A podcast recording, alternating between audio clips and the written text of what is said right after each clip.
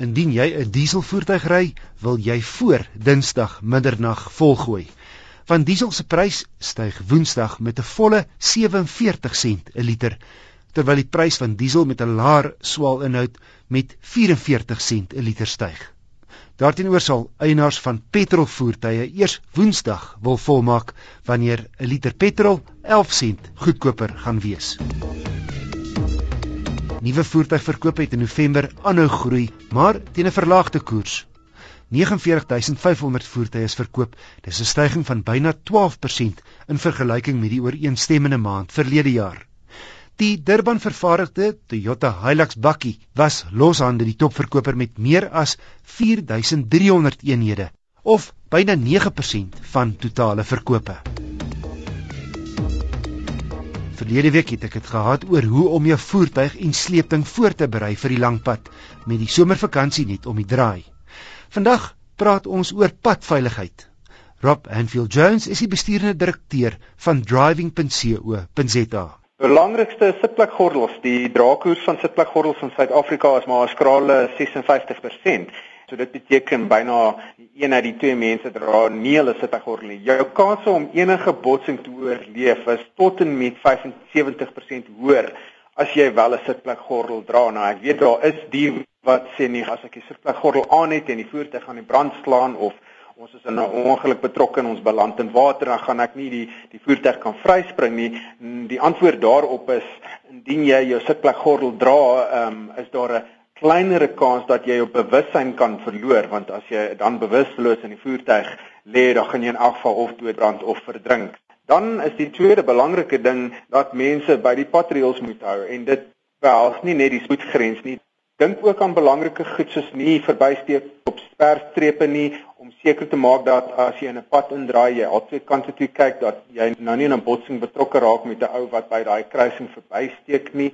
Maak seker dat jy met jou hoofligte aanry sodat jy meer sigbaar is vir ander wat dalk wil verbysteek en nie agterkom jy daar is nie. So probeer om 'n poging te maak om uh, al die verkeerswette te gehoorsaam, nie net die wat 'n mens nou af en toe op die radio of die televisie van gepraat hoor nie. Rob, dis nogal kommerwekkend hoeveel kinders, kleinkinders in karre staan en in elk geval nie vasgegespe is nie. Dis belangrik dat nie die voorste insittendes vasgegespe is nie, maar ook die agterstes, nê, want enigiemand as daar botsing is, word 'n projektiel wat teen 'n hengspoed vorentoe beweeg. Ja, dit is interessant jy noem dit want ek het 'n paar weke gelede iewers gelees van ehm um, die risiko wat 'n ou wat agter sit vasgegesp is nie.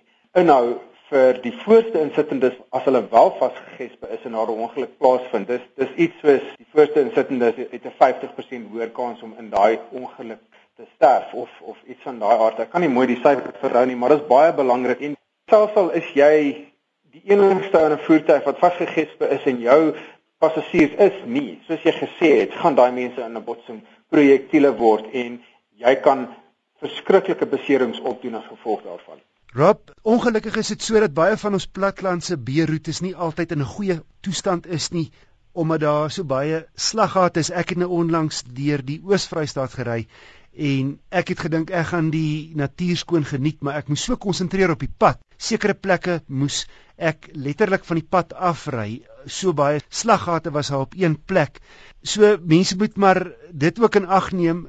Op die minste kan jy band verloor, op die ergste kan jy 'n lelike ongeluk maak.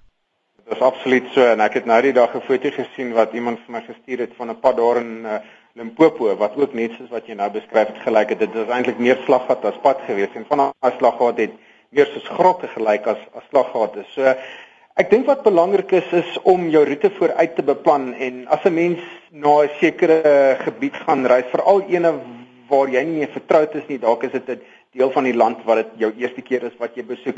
Bel vooruit, bel die mense, jy weet jou gasheer as jy by 'n B&B gaan bly of die mense wat um, by die hotel gaan wees as jy daar inboek en hoor by hulle wat is die kondisie van paaie in daai streek. Ja, is daar spesifieke roetes wat vermy moet word?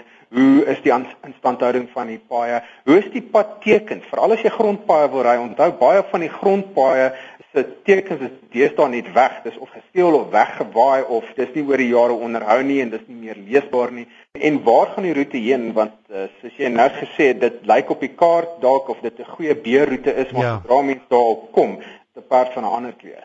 En dan raap is dit natuurlik ook belangrik om veral as mense nou sê net maar hier van Gauteng af af ry Kaap, baie mense ry om in een dag om darm te stop en miskien 'n koffie of 'n Coke te koop en 'n bietjie te rus. Dis absoluut so en wat interessant is is dat die gewone raad wat 'n mens uh, hierdie tyd van die jaar hoor is dat 'n mens min of meer elke 2 uur van die pad af moet moet trek en 'n ruskans neem. Ek verskil bietjie daarvan. Kom ons kyk waar kom daai raad vandaan. Dis in die ou dae van die 60s en 70s toe mense sulke groot motors gehad het wat nie lekker gery het nie. Uh, hulle het nie ligversorging gehad nie. Hmm daai dae was dit onaangenaam geweest om 2 ure lank met so 'n kar te moes worstel en nadat jy na 2 ure te gery het was jy lus geweest om af te trek maar vergelyk dit nou met 'n moderne motor wat ligversorging het en hy het 'n klankstel in en ja. hy het bestuurde bystandmiddels en so aan en wat ek deesdae vir mense sê is indien jy voel jy daartoe in stand is om 4 tot 6 ure op 'n slagtery, ry dit liewers want dit dit sou vir my beter wees dat mense dalk daai 4 tot 6 ure ry en dan lekker lank uitrus, vir 45 minute of 'n uur teenoor elke 2 ure vir 10 minute vir 'n koffie aftrek en wanneer hulle weer terugklim in die motor is hulle nie eintlik uitgerus nie. Maar met daai lang ritte soos vanaf Gauteng tot in die Kaap, mense moet daarteen waak om te dink mense kan dit op een dag doen breek liewer daai rit by Koelsberg of Beaufort Wes, boek in 'n B&B in. Mense is mos op vakansie, dis nou nie nodig om te jaag nie. Mense hoef dit nie in een dag te doen nie. En die raad van Rob Hanfield Jones van driving.co.za. Ek wil nog twee dinge byvoeg. Onthou, jou kar en die ander voertuie op die langpad, veral taksies en busse, gaan swaar gelaai wees. Dit beteken nie net langer stopafstande nie, maar ook lomper hantering. So handhaf maar 'n veilige volgafstand en pas jou spoed aan by die omstandighede.